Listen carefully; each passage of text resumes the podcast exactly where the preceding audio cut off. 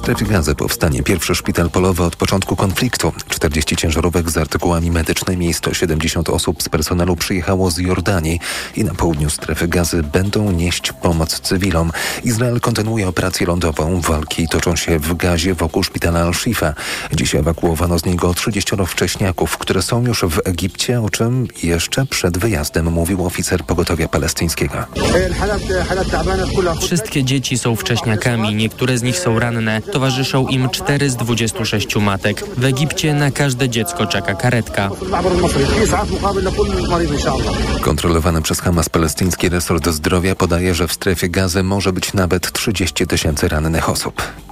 Lizbońska policja zatrzymała przywódców organizacji aktywistów klimatycznych, którzy próbowali wedrzeć się do budynku Zgromadzenia Narodowego, czyli jednoizbowego parlamentu Portugalii. Tymczasowo zatrzymano trzech członków grupy. W ciągu ostatniego tygodnia policja zatrzymała na terenie Portugalii 19 aktywistów klimatycznych. Organizacja Studencki Strajk Klimatyczny, która zainicjowała akcję, zapowiedziała zaostrzenie protestów w całej Portugalii na rzecz walki z paliwami kopalnymi. Słuchasz informacji TOK FM. W Polsce wciąż przybywa nowych zakażeń koronawirusem. Z danych Ministerstwa Zdrowia wynika, że w szpitalach jest około 900 chorych na COVID. Jesteśmy w szczycie kolejnej fali, mówi TOK FM ekspert Naczelnej Rady Lekarskiej do spraw zagrożeń epidemiologicznych dr Paweł Grzesiowski. Chorych jest coraz więcej, bo nie mamy żadnych właściwie zabezpieczeń e, nie stosuje się żadnych działań profilaktycznych. W związku z tym przybywa też pacjentów już e, w szpitalach z powikłanym COVID-em, e, a także pojawiają się pierwsze przypadki y, zgonów. Zdaniem ekspertów sytuację mogłaby poprawić dostępność szczepionki zaktualizowanej na nowe warianty koronawirusa. To będzie dostępne w Polsce dopiero od 6 grudnia, mówi rzeczniczka Ministerstwa Zdrowia Iwona Kania. To szczepienie jest dedykowane wszystkim chętnym pacjentom, wszystkim osobom powyżej 12 roku życia, które chcą zażyć e, szczepienie i chronić się przed nową odmianą COVID-a. Skierowania na szczepienia mogą pojawić się w internetowym systemie w nocy z 5 na 6 grudnia. Nawet 4000 zł na metrze kwadratowym. Tak duże są już różnice w cenach mieszkań z rynku pierwotnego i wtórnego w Szczecinie. Podobna sytuacja ma miejsce w Łodzi czy Olsztynie, a o jej przyczynę dopytywał reporter TOK FM Sebastian Wierciak. Po ożywieniu rynku nieruchomości ceny nowych mieszkań wystrzeliły, podczas gdy na rynku wtórnym nie było znacznego wzrostu. Stąd coraz większa przepaść, a działek w miastach jest coraz mniej, dodaje ekspert rynku nieruchomości Mirosław Król. To, że jest tak gęsto jest e, mała podaż tych działek powoduje, że cena rośnie. To wszystko jest przerzucane na klientów, plus koszty robocizny, koszty materiałów. W Szczecinie cena metra kwadratowego mieszkania od dewelopera przekroczyła 12 tysięcy złotych, a na rynku wtórnym można znaleźć oferty za 8 tysięcy. Część osób, które marzyło o mieszkaniu, które jest nowe i które mogą sobie sami zaaranżować, będzie rezygnowało z tego pomysłu ze względu tylko i wyłącznie na cenę. Po nowym roku można spodziewać się zwiększonego ruchu na rynku wtórnym, co sprawi, że także tu ceny zaczną rosnąć. Ze Szczecina Sebastian Wierciak, TOK FM. Czas na prognozę pogody. Pogoda. Jutro na południowym zachodzie i południu kraju opady deszczu i deszczu ze śniegiem. Na północnym wschodzie będzie to śnieg. Na termometrach od minus 2 stopni Celsjusza na Suwalszczyźnie przez 5 w centrum do 9 maksymalnie w Małopolsce. Radio TOK FM. Pierwsze radio informacyjne. Mikrofon, Tok FM. Przed mikrofonem Wojciech Muzal. Witam Państwa ponownie i wracamy do dyskusji z Państwa udziałem na temat koronawirusa. W ostatnich dniach notujemy dziennie około tysiąca nowych zakażeń COVID-19. Jakich działań w związku z tą sytuacją oczekujesz od państwa? To jest y, pytanie y, do naszych słuchaczy. Y, państwo mogą dzwonić pod numer 22 44 44 0 44 22 44 44 0 44 albo pisać na adres mikrofonmałpatok.fm, a także y, dyskutować na Facebooku na profilu Radia Tok FM. Teraz telefonuje pan Robert ze Skarżyska Kamiennej. Dobry wieczór, witam w Radiu Tok FM. Dobry wieczór. Chciałem pana zapytać właśnie o pańskie oczekiwania wobec, wobec rządu. Y, jak powinien rząd reagować na to, że, że tych przypadków znów jest więcej? Panie redaktorze, drodzy słuchacze, no chciałem tylko tyle powiedzieć, że do, pozwoliłem się do Państwa po raz y, bodajże piąty. Miałem możliwość zabierania głosu Bardzo w różnych nam miło. y, dyskusjach i to jest y, świadectwo tego, że jesteście Państwo naprawdę żywym radiem. No i u, Państwa rzeczywiście trwa żywa dyskusja. Co do kon- konkretu, powiem w ten sposób. Odniosę się może e, delikatnie do głosu pierwszego słuchacza, który zabrał głos, bo wiecie Państwo, ten człowiek powiedział mądre słowa. E, w grudniu pan profesor Horban e, stwierdził, że na wiosnę braknie stadionów do leczenia ludzi, a, a w lutym pandemia się skończyła praktycznie. No i tego się nie da, że tak powiem, zbyć półsłówkami powiedzmy, tak? Co do szczepień, drodzy Państwo, Panie redaktorze, nie wiem, czy Państwo wiecie, Unia Europejska kupiła około 8 miliardów dawek, a nas, obywateli Unii Europejskiej, jest około 400-440 milionów ludzi. Co do skuteczności szczepień, no to, to odpowiedzmy sobie sami. Nie jestem, tak tu któryś z, yy, z biorących udział yy, powiedział, Y, o, o takich ludziach y, jak ja y, smokiem antyszczepionkowym. Ja mam trójkę dzieci, wszystkie, cała trójka była szczepiona na wszystkie, wszystkie obowiązkowe szczepienia, powiedzmy obowiązkowe choroby, ale nie szczepiliśmy się ani ja, ani dzieciaki, ani żona konkretnie przeciwko tej, że tak powiem, chorobie, powiedzmy COVID-19. Nawet mam mamę schorowaną w wieku 70 lat, i ja, mam, rozmawialiśmy, ja powiedziałem, mamo, jak to jest twoja decyzja, my się nie szczepimy. Nie zaszczepiła się, wszyscy żyjemy, jesteśmy w miarę zdrowi, przychodzi jesień, no czasem smarkamy, no ja wykonuję zawód, powiedzmy, kierowcy, tam krążę po świecie, no to jestem chyba najlepszym przykładem tego, że, yy, że, że tak powiem, kurczę, obracam się wśród ludzi, no i żyję, no. A co powinien rząd y, zrobić? No rząd powinien leczyć ludzi, znaczy konkretnie lekarze, ale my po to płacimy, mhm. drodzy Państwo, podatki, żeby, żebyśmy mieli y, możliwość leczenia się na wszystkie choroby. No bo teraz to jest taka sytuacja, tak jak było poprzednio, zaordyn, zaordynowano y, szczepienia przeciwko COVID, a reszta, reszta chorób poszła w odstawkę. No pan redaktor podał taką liczbę 60 kilku tysięcy. Panie Robercie, skoro jesteśmy tak? przy liczbach, sekunda, zaraz pan y, no. będzie mógł dokończyć. E, pan powiedział o 8 miliardach dawek y, szczepionek. Zaskoczyła mnie ta liczba. E, teraz mam przed sobą informację no. o y, umowie na zakup miliarda 800 milionów dawek, czyli no znacznie mniej. To, była, to, to było w roku 2021. No. Nie wiem, czy to jest pełny obraz, ale tak, tak, taka ta, ta liczba mnie zaskoczyła, którą pan podał. Natomiast ym, y, Pan podaje przykład swoich bliskich, którzy mhm. nie y, zakazili się, y, czy, czy nie, inaczej, nie zachorowali w sposób y, jakiś taki uciążliwy dla organizmu, na, bo przecież można też bezobjawowo przejść, to nawet nie wiemy, czy, czy, czy mhm. byliśmy chorzy.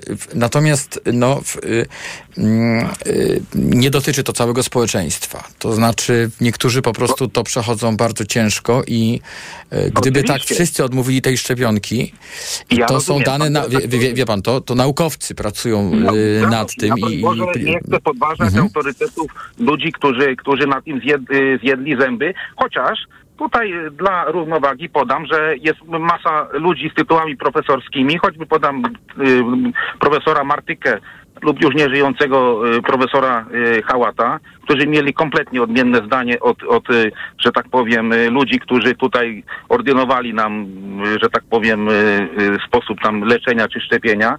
Co do co do tego, panie co do jeszcze liczb, no to pan podał taką liczbę 60 bodajże 8, dobrze pamiętam, zmarłych?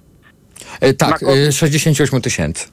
8. A nie wiem, czy, czy pan redaktor wie, że tak zwany, yy, to się nazywa yy, po prostu ludzi, którzy zmarło w tym czasie poza regularnymi statystykami jest ponad 200 tysięcy, nie licząc COVID-u. A jaki z tego wniosek? No ludzi nie leczono. Ludzi leczono tylko na COVID. U mnie w rodzinie na przykład miałem, już nie żyje, ciocia z nowotworem i ona chodziła prywatnie, bo w lecznicy państwowej nie była przyjmowana, ale pan lekarz y, w domu, że tak powiem, za dodatkową opłatą już nie bał się koronawirusa mhm. i leczył, że tak powiem, y, nowotwór. No, także to, to jest Drodzy Państwo. Panie Robercie, no. takimi sytuacjami z życia y, pewną bardzo poważną sprawę można łatwo ośmieszyć. Znaczy ja nie odmawiam tutaj panu słuszności y, jakby y, własnych obserwacji, doświadczenia życiowego, które jest takie, a nie inne. Tak, tak, Ale tak. pamiętajmy o tym, żeby na końcu jednak jakby brać pod uwagę ten interes całego jakby naszej cywilizacji i, i państwa, narodu i tak dalej, bo... bo nie mhm. broń, Panie Boże. No i bardzo się cieszę, że, że tak, że, że pan... Że pan Jeśli ktoś uważa, że mhm. Należy się szczepić, należy się zasłaniać, dla, powiem jeszcze tylko tyle, że starałem się tej maski jednak nie zakładać. Oczywiście teraz to mówię herezję, pewnie za, za chwilę zostanę tutaj rozjechany przez innych słuchaczy, ale na przykład y, świętej pamięci profesor Hałat y, y, jasno mówił, że noszenie maseczek wręcz pogarsza sytuację, gdyż tak jakbyśmy na tłumik samochodowy założyli jakąś gazę, no silnik się będzie dławił, no podobnie z tego. Ja z tym, że wydaje mi się, że lepiej jest słuchać większości przedstawicieli danej dziedziny nauki niż... No, panie redaktorze, większość wybrała też kiedyś, o, może niepotrzebnie to nazwisko teraz przywołam Hitlera, ale większość go wybrała. A, to jest co innego innego. To już jest kwestia wyborów politycznych, a nie, a nie środowiska naukowego. E, panie Robercie, e, bardzo dziękuję za telefon. E, jak pan, jak pan, jak pan stwierdził na wstępie, po, po raz piąty, oby po raz kolejny udawało się dodzwonić do Radia Tok FM, tak jak w tej chwili pani Ewie z Rzeszowa, którą witam na antenie. Dobry wieczór. E, dobry wieczór e, panu, dobry wieczór państwu. E, to, co chciałam powiedzieć, postaram się tak króciutko skonkludować. To wynika z dwóch uwarunkowań. Po pierwsze, jestem biologiem, a dokładnie profesorem biologii. Po drugie, jestem podróżnikiem, więc no, troszkę świata widziałam i moja perspektywa widzenia wydaje mi się dosyć szeroka. Więc tak, Pierwsze to pytanie, które pan zadaje, czego oczekuje od rządu. E, no, tak naprawdę ja uważam, że powinniśmy przede wszystkim sami troszczyć się o siebie, a dopiero w drugiej kolejności oczekiwać, że ktoś zatroszczy się o nas. Y, więc za chwileczkę powiem o tym, jak uważam, że sami powinniśmy się troszczyć o siebie. Natomiast czego oczekuję od rządu? Y, to na pewno rzetelnej informacji. Informacji o, o tym, czy mamy dalej pandemię, czy jej nie mamy. Czy mamy kolejną falę, czy jej nie mamy. To ja pani Ponieważ... powiem od razu. Y, tylko na moment pani przerwę. Nie wiemy tego bo nie testujemy. No właśnie, ale to są decyzje wynikające y, odgórnie, że nie testujemy. To właśnie tak. tego ja oczekuję od rządu, że rząd powinien testować, powinien diagnozować sytuację, którą mamy, sytuację społeczną, sytuację epidemiologiczną i dostarczać tą informację do społeczeństwa. I my wtedy z tej informacji możemy robić już użytek, nie do końca oglądając się, co rząd y, nam może zaoferować, a czego nie. Bo to też są dwie różne rzeczy, co możemy dostać od rządu, co możemy zrobić sami. Więc ja przede wszystkim oczekiwałabym naprawdę rzetelnej informacji, czyli y, testowania, monitorowania i informowania.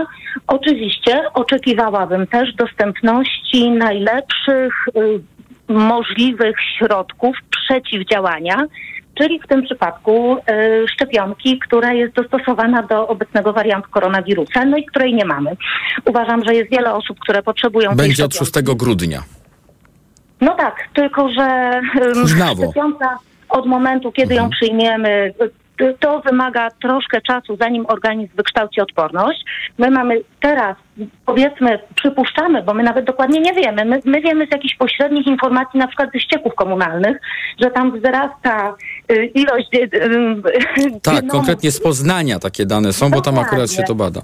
Tak, tam się bada, ale to są tak naprawdę takie informacje pośrednie, ponieważ nie jesteśmy bezpośrednio testowani, więc mamy jakieś takie pośrednie informacje, gdzie możemy przypuszczać, że jest w tej chwili kolejna fala, no i pasowałoby tą szczepionkę przyjąć przed falą, przed szczytem tej fali, a nie po szczycie tej fali, bo to jest niepotrzebne później, że tak powiem, borykanie naszego układu odpornościowego. Jeżeli ta fala już przeminie, tak, no to nie ma sensu przyjmować wtedy mhm. E, szczepionki. Więc tego bym się spodziewała od rządu. Natomiast jeżeli chodzi o to, co sami powinniśmy z tym robić i uważam, że to jest pierwsza linia naszej obrony, nie, nie oczekiwanie, co rząd nam zrobi, tak? Jakby nas informował, to już by było dobrze.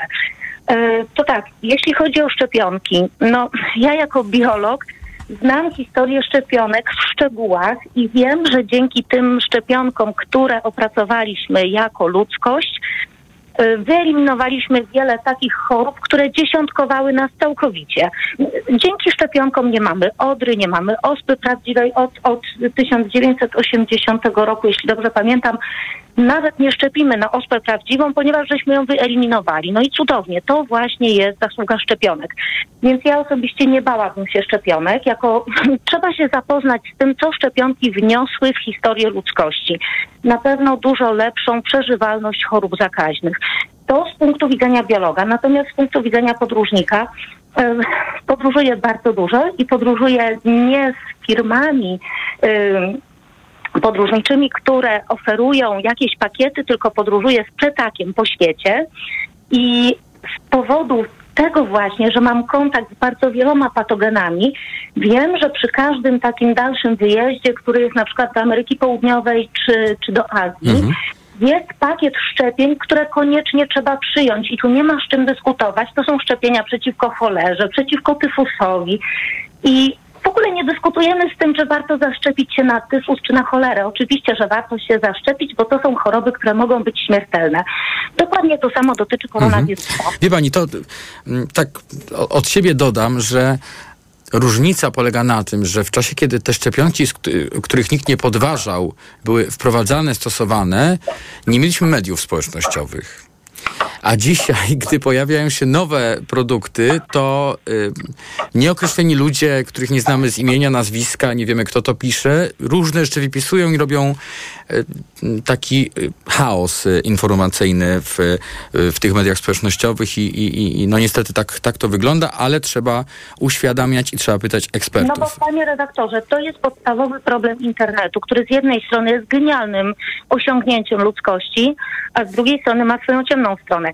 Tam jest bardzo ciężko odróżnić wiadomości prawdziwe no od wiadomości nieprawdziwych. Więc tak naprawdę każdy może tam włożyć tak zwany content, taki jaki chce, i prawdziwy, i nieprawdziwy.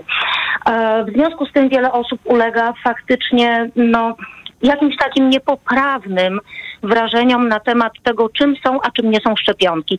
To jest w ogóle dla mnie śmieszne, ponieważ ja jeżdżąc po świecie czasami zastanawiałam się, czy mój budżet pozwala mi na kolejną szczepionkę. Chciałabym na przykład jadąc do Indii uniknąć tyfusu. I, a za wszystkie szczepionki tego mhm. typu trzeba płacić. To są same opłaty. Więc ja z perspektywy osoby, która jeździ po świecie i płaci za te szczepienia, w ogóle się nie zastanawiałam, czy na koronawirusa się szczepi, czy nie ponieważ no, szczepienia, one potrafią mieć swoje skutki uboczne, ale to jak każdy lek, to jest rzecz, która ma mieć większe plusy niż minusy, tak? Więc te skutki uboczne, jeżeli nawet są, to one mają być mniejsze niż ewentualne powikłania. No i tak co do zasady jest. E, to jeśli chodzi o szczepienia, a tak naprawdę jeszcze krótko bym się odniosła do do tych maseczek, tak, że no jest tyle kontrowersji, tyle niechęci do maseczek, to dla mnie jest w ogóle śmieszne, ponieważ podróżując po Azji, tam natknęłam się na to, że maseczki były, ja podróżowałam po Azji dużo przed wybuchem koronawirusa i tam maseczki są w takim codziennym użyciu i sama ich używałam, nie tylko ze względów y, zdrowotnościowych, to znaczy też miał wpływ na zdrowie, ale nie chodziło mhm. nawet o transmisję zarazu, tylko o smog. W Azji jest duży smog. Tak jest duże zapylenie powietrza, więc ludzie po prostu używają tych maseczek, bo to aż piecze w gardle w niektórych tak. miejscach tak samo zaczęłam ich używać. Wydawało mi się to zupełnie normalne. Pani Ewo, kiedy... ja nie tęsknię za maseczkami. Bardzo się ucieszyłem, jak y, już nie trzeba było ich y, zakładać. Chociaż czasami warto samemu sobie nałożyć takie ograniczenie i, i założyć oczywiście. To, o tym też trzeba przypominać. Ale w szczycie pandemii i obowiązku noszenia maseczki, y, to jak zdarzało mi się, nie wiem, zapomnieć tej maseczki albo jakoś w pośpiechu wyjść bez niej, to czułem się nieswojo wręcz. Znaczy człowiek był przyzwyczajony i do tego i, i, jakoś e, mógł wprowadzić to do, do codziennego funkcjonowania. Pani Ewa Zrzeszowa, bardzo pani dziękuję za telefon do Radia Tok FM i teraz odbieramy telefon od pana Roberta z Gdańska. Słuchamy. Dobry wieczór panie redaktorze, dobry wieczór państwu. Ja bym się wszystkimi czterema kończynami podpisał pod e, głosem, głosem pani poprzedniczki. Natomiast chciałbym się z, trochę odnieść do mm, wypowiedzi pani sprzed paru osób. Pani teraz wspominała to środowisko restauratorów.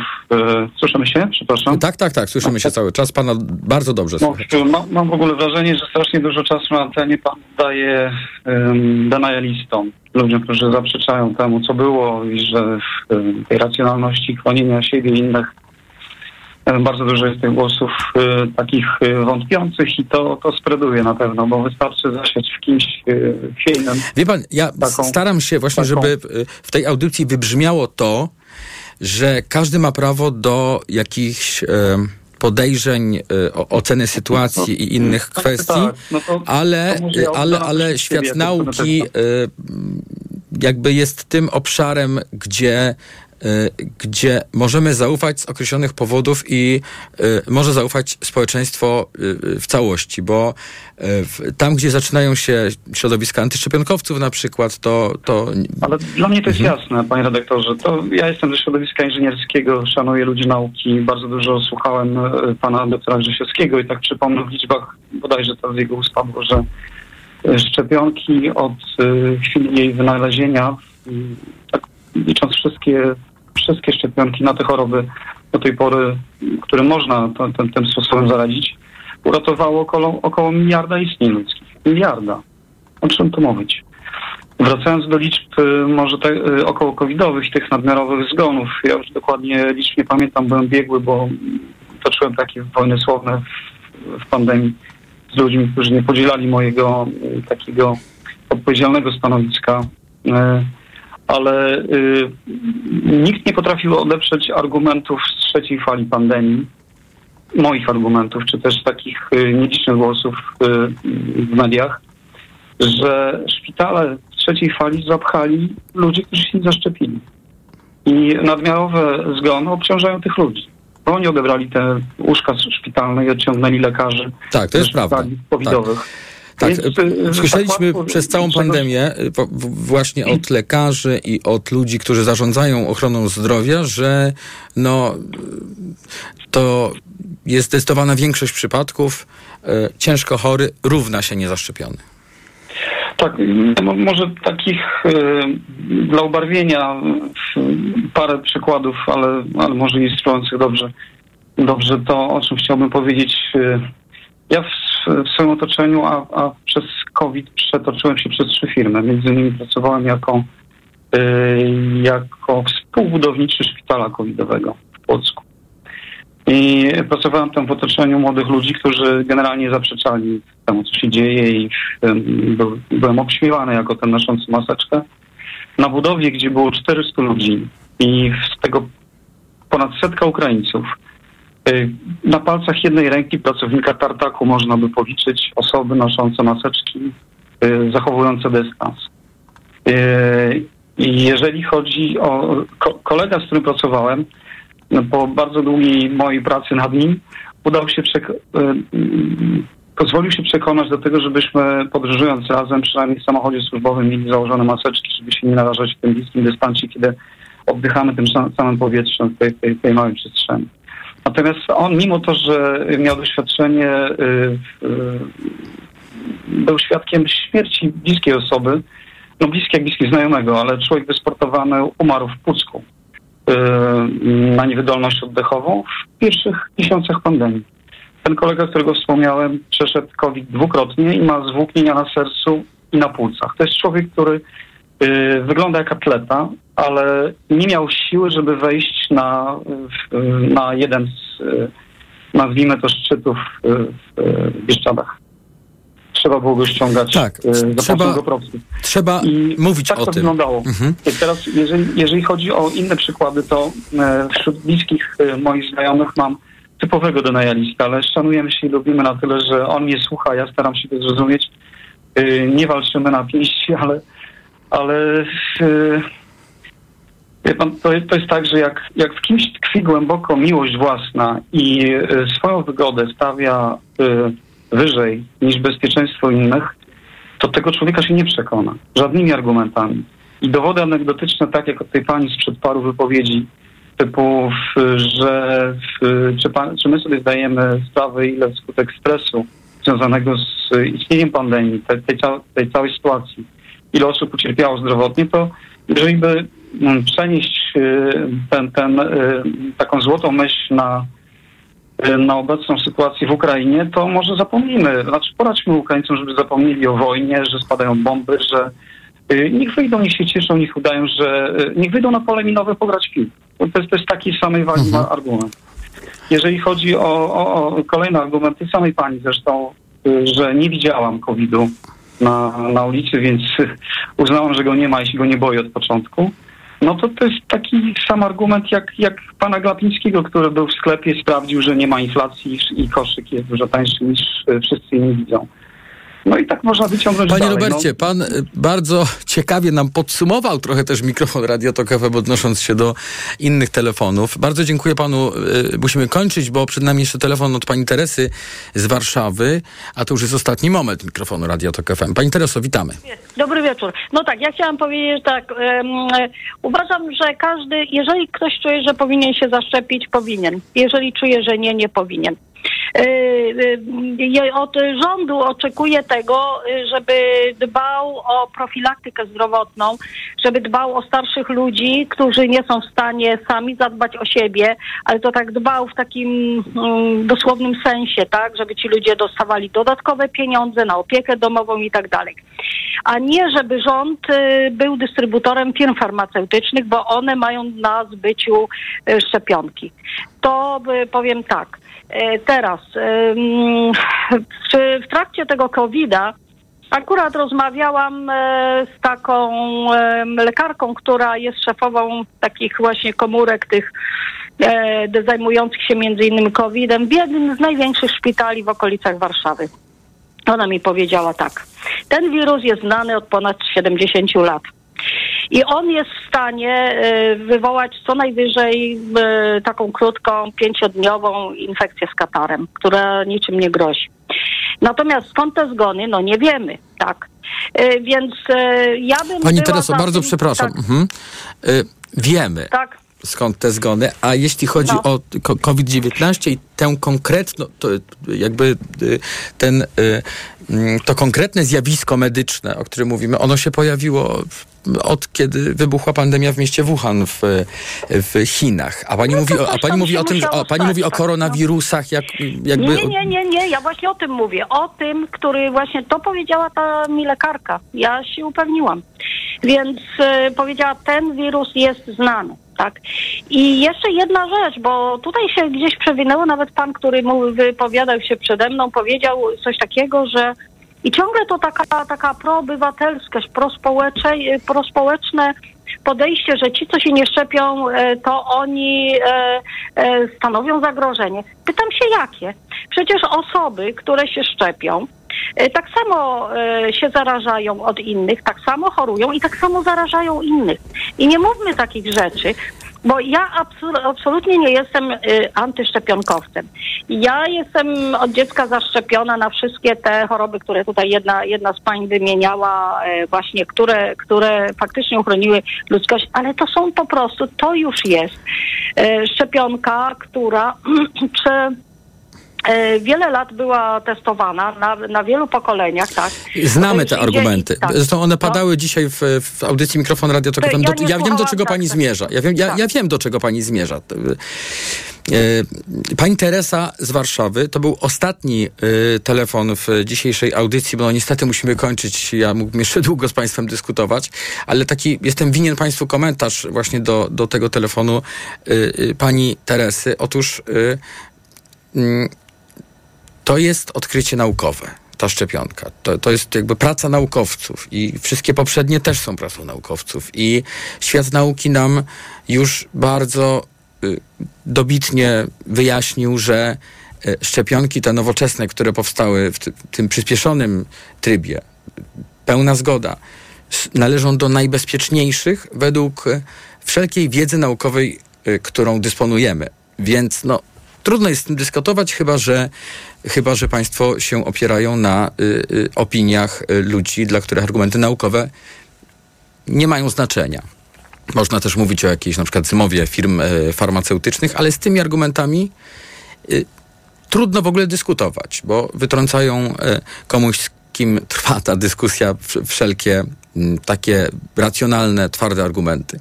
To była audycja Mikrofon y, Radia TOK FM którą przygotowała i wydawała Karolina Kłaczyńska. Realizował ją Krzysztof Olesiewicz.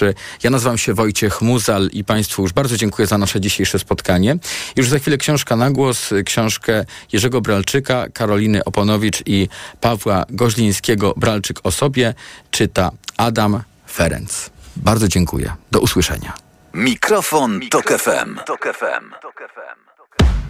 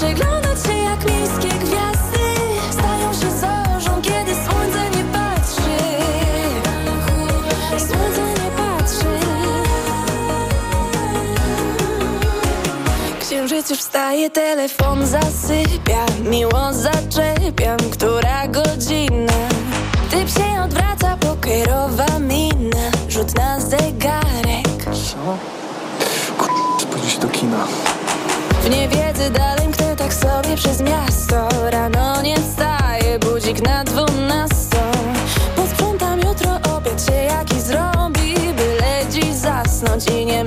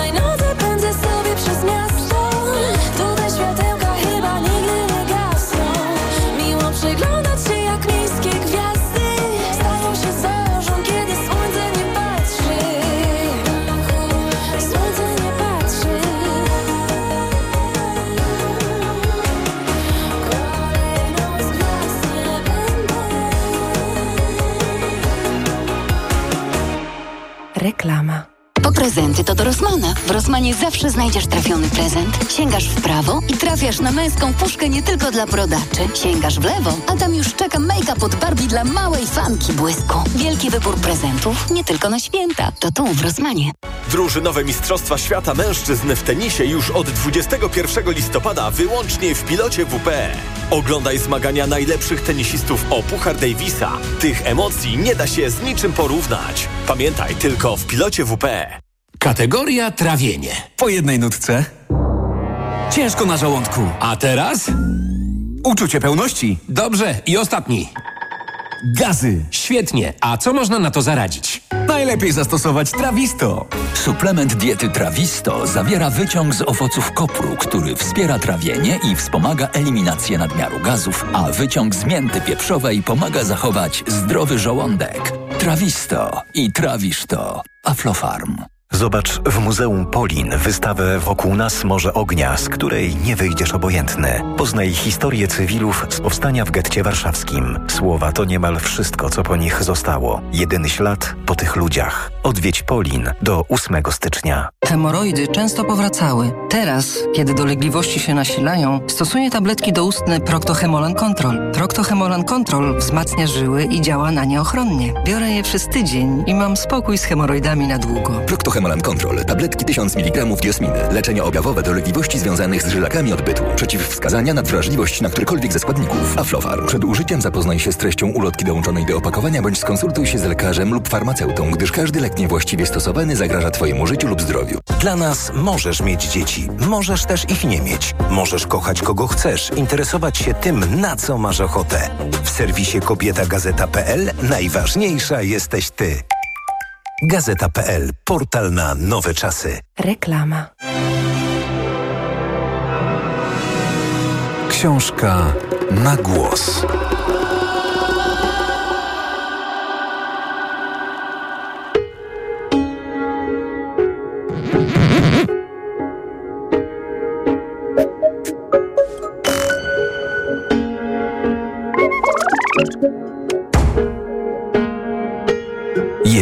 Bralczyk, Karolina Oponowicz, Paweł Goźliński.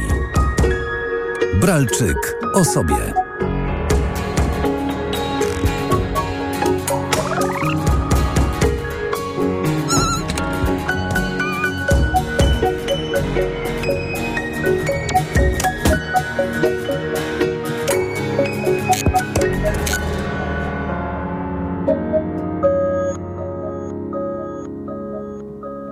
Dużo było książek w twoim rodzinnym domu, profesorze? Może nie tysiące, nie setki, ale wiele dziesiątek. Oczywiście Sienkiewicz cały, Prust, trochę Dostojewskiego, więc głównie klasyka. Był też pan Tadeusz, najzwyklejsze wydanie z lat czterdziestych. Na okładce kontrfekt Mickiewicza i napis Adam Mickiewicz, pan Tadeusz. Tytuł większymi literami, więc myślałem, że na obrazku jest ów pan Tadeusz. Miałem może siedem lat, już nieźle czytałem. Otwierałem więc tę książkę w różnych miejscach w poszukiwaniu atrakcyjnych fragmentów. W końcu znalazłem bitwę i opis przewag Gerwazego, przez co Gerwazy stał się moim pierwszym ulubionym bohaterem literackim. W późniejszym znacznie wieku zrozumiałem, że nie ma się kim zachwycać. Nie głupi to facet, chociaż podły. Do niedawna jeszcze, kiedy prowadziłem zajęcia z retoryki, omawiałem mowę Gerwazego w Dobrzynie jako przykład doskonałej demagogicznej manipulacji. Ale kiedy jako dziecko czytałem, jak to dzielny klucznik z mieczem w ręku łoi Moskali, jak to do gumna na ich karkach wjechał i zaniknął w ciemności, ale bitwy nie zaniechał. Nie myślałem wcale, że klucznik jest mroczną postacią, czarnym człowiekiem pana Tadeusza. Tym bardziej, że w fabule poematu zorientowałem się późno a nawet nie jestem do końca pewien, czy się w niej zorientowałem do dziś. To być może brało się stąd, że bardziej zwracałem uwagę na melodię wiersza, na brzmienie słów, niż na to, kto, z kim, kiedy i przeciw komu. A wszystkie te pięknie brzmiące słowa rozumiałeś? Nie wszystkie. Niektórych nie rozumiem do dziś te półmiski kontuzów, arkasów, blemasów, z ingrediencjami pomuchl, figatelów, cybetów, piżm, dragantów, pinelów, brunelów, ale to mi nie przeszkadzało recytować pana Tadeusza długimi partiami. A jak pamiętacie, byłem wtedy trochę cudownym dzieckiem. Można być tylko trochę cudownym? Nie wiem, ale jestem na tyle skromny, że nie powiem od razu, że byłem cudownym dzieckiem. Więc umówmy się, że byłem trochę cudowny. Ale rodzice i tak popisywali się mną przed gośćmi, którzy słuchali i patrzyli, jak recytuję z przejęciem tego pana Tadeusza. I się w panu Tadeuszu, recytując, profesorze, zakochałeś? To może za duże słowo. Dziecko, zresztą człowiek dorosły chyba też, odruchowo szuka tego, co najlepsze. A mnie, kiedy dokonywałem takiej pierwszej hierarchizacji świata, przeszło do głowy, że Pan Tadeusz jest książką najważniejszą. Wierzący muzułmanie są pewni, że Koran istniał już na początku świata. Dla mnie Pan Tadeusz ma taki właśnie wymiar. Nie przesadzam. Dla mnie to księga ksiąg. Po wielu latach doszedłem do wniosku, już bardziej racjonalnie, że literatura piękna, zwłaszcza bardzo piękna, a najbardziej poezja, dociera do nas najdoskonalej, kiedy ją słyszymy, albo kiedy ją głośno czytamy. Czytam więc głośno różne teksty poetyckie, żeby je usłyszeć. Pan Tadeusz się do tego doskonale nadaje.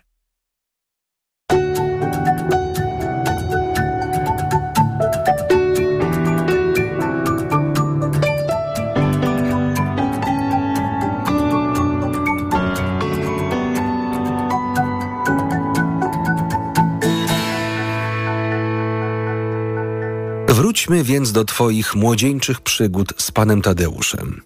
Bo w pewnym momencie jednak dziecięce doświadczenie czytania Mickiewicza musiały się spotkać profesorze ze szkolnymi, zniechęcającymi dla wielu interpretacjami.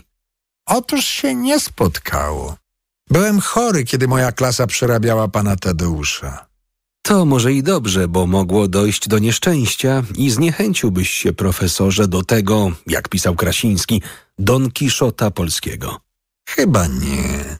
Ja miałem już tak spetryfikowany stosunek do pana Tadeusza, że nie sądzę, żeby mi się w ramach zajęć szkolnych w coś innego przemienił. Ale zanim trafił na listę lektur szkolnych i zdobył status poematu narodowego, miał pan Tadeusz pod górkę. Jakoś zawiódł nadzieję emigrantów. czemu się dziwić? Po dziadach Słowacki po początkowym zachwycie pisał, że pan Tadeusz to ubóstwienie wieprzowatości życia. A Norwid mówił, jedyna figura serio w całej tej książce to Żyd. Rozumiesz, profesorze, dlaczego się nie spodobał? Wiązano go z tradycją szlacheckiej gawędy i raczej usypiającym krytykę bukolicznym obrazem sarmatyzmu. Wielu to się wydawało atrakcyjne, kojące, ale przez innych nie była to tradycja szczególnie szanowana. Tym bardziej, że po drugiej stronie była też przecież przez Mickiewicza propagowana wiara w szczególną rolę Polaków w historii. Z tej perspektywy pan Tadeusz wydaje się przyziemny. Mówiono, że ściąga nas z góry w dół. No ale jest w nim ksiądz Robak Wel Jacek Soplica i jego wielka patriotyczna przemiana. No robak jak to robak. Robaki i inne pędraki zwykle się przemieniają, co jest zupełnie naturalne. A gdyby się ksiądz Robak nazywał pędrakiem, czy nie przeszkadzałoby to wam? To mogłoby zmienić bieg historii, a historii literatury z całą pewnością. Tak jak dłuższy nos Kleopatry. Ksiądz Robak i pan Tadeusz są, jacy są. I inni już nie będą. Zresztą po co? Z wielkich poematów narodowych bodaj tylko genialny Eugeniusz Oniegin może się z nim równać. Mówiłeś, profesorze, o Gerwazym jako pierwszym ulubionym bohaterze pana Tadeusza. A inni? Bodaj najbliższa mojemu sercu stała się z czasem postać Maćka Dobrzyńskiego. 72 lat liczył Maciej Starzec Dziarski. Niskiego wzrostu, co oczywiście szczególnie mi się podoba. Pamiętają i swoi i nieprzyjaciele jego damaskowaną krzywą karabelę, którą piki i sztyki rzezał na kształt sieczki i której żartem skromne dał imię Rózeczki. Co za wspaniała figura. Jedyne, co mi się w Maćku nie podoba, to jego wręcz ksenofobiczna antyrosyjskość. Bo jak wiemy, Maciek na sam widok Moskala pienił się i zrzymał, by nie spotkać Moskala po kraju zaborze, siedział w domu jak niedźwiedź, gdy się łapę w Boże. Dlaczego to taki problem? Obok pana Tadeusza taką arcyważną dla mnie książką jest Wojna i pokój Lwa Tołstoja, która pokazuje tę samą epokę. Te same wydarzenia z drugiej rosyjskiej strony. Więc czytając Tołstoja kibicuję Rosjanom. A znowu, kiedy sięgam po pana Tadeusza, wiadomo po czyjej stronie jestem. Sam nie wiem, jak mogę pogodzić te dwie miłości. Ale godzisz je, profesorze, czy po prostu godzisz się na ten konflikt? Zwyczajnie wszystko mi się podoba i u Mickiewicza, i u Tołstoja. Ale wracając do najbliższych mi w panu Tadeuszu postaci, to jest jeszcze protazy Baltazar Brzechalski, dwojga imion generał niegdyś trybunalski. Oczywiście lubię w nim to, że lubi i umie mówić, że jego bronią jest słowo, o czym świadczy jego nazwisko, bo brzechacz i brechacz to ten, który brechał, czyli mówił. Trochę tylko żałuję, że w porównaniu z Gerwazem schowany jest na drugim planie. A co z kobiecymi postaciami? Mógłbym wspomnieć na przykład podkomorzanki albo ochmistrzynię, która dąży przez konopie. Mogłaby być jeszcze krajczanka, której podał rękę asesor, ale potem już nie ma krajczanki. Te kobiece postaci pana Tadeusza są niestety ledwie dalekim tłem męskich bohaterów. Ich honoru musi bronić znakomita postać Telimeny i trochę wątlejsza postać Zosi, która tylko raz w całym poemacie się gniewa. Jestem kobietą. Sądy nie należą do mnie. Mówi, co mi się nawet podobało dosyć. Dziś może się podobać mniej. Podobnie jak nieobecność chłopów. Jakby się w Soplicowie wszystko samo siało i zbierało. A co się dzieje, kiedy już się chłop pojawi i poskarży na swój los? Bo przecież padają u Jankiela w karczmie takie słowa. Już to szlachcie, to jeszcze bieda przez połowę, lecz nas drą jak na łyka.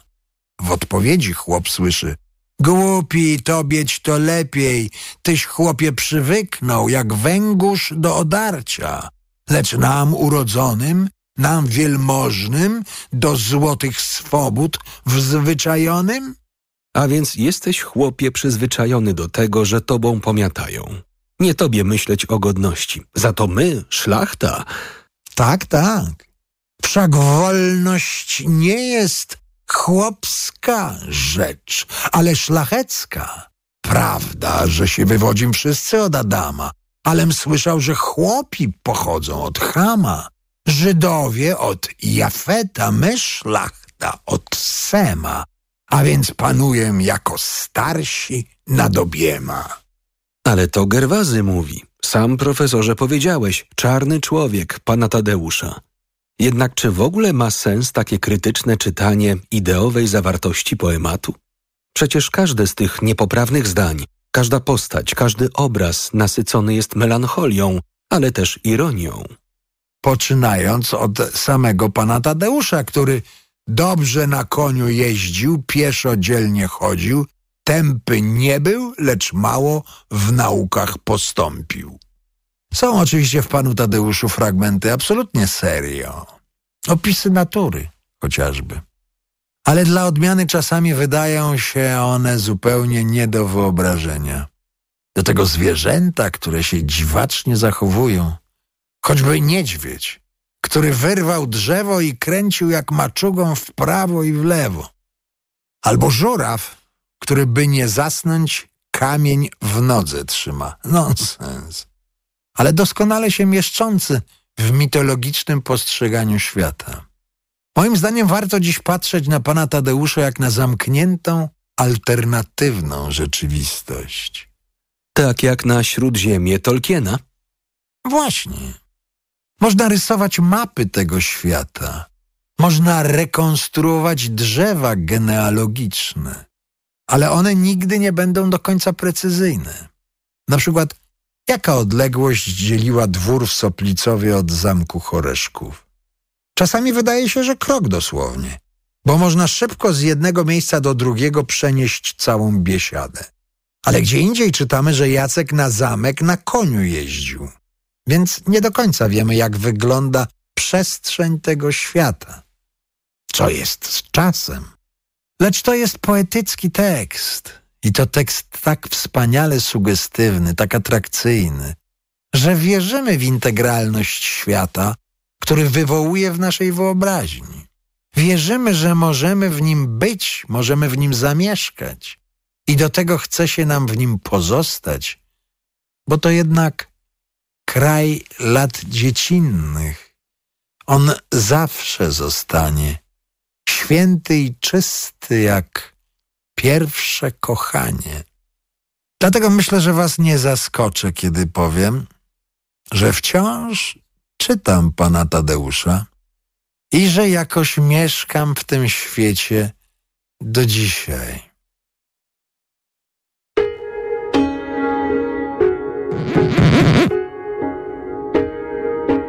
Adam Ferency przeczytał pierwszy odcinek książki Bralczyk o sobie w rozmowie z Pawłem Goźlińskim i Karoliną Oponowicz. Muzyka i produkcja Jarek Gawlik.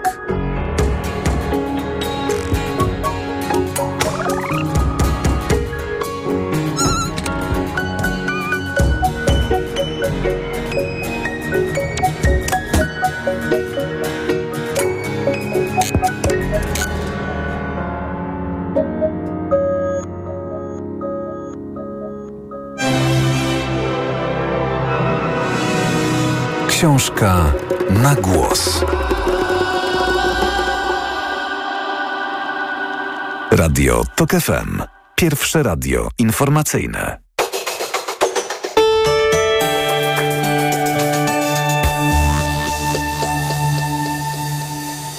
Największą zbrodnią e, Prawa i Sprawiedliwości, abstrahując od wszystkich przestępstw, nadużyć, i innych rzeczy, które zrobili, było to, że zmarnowali 8 lat naszego życia.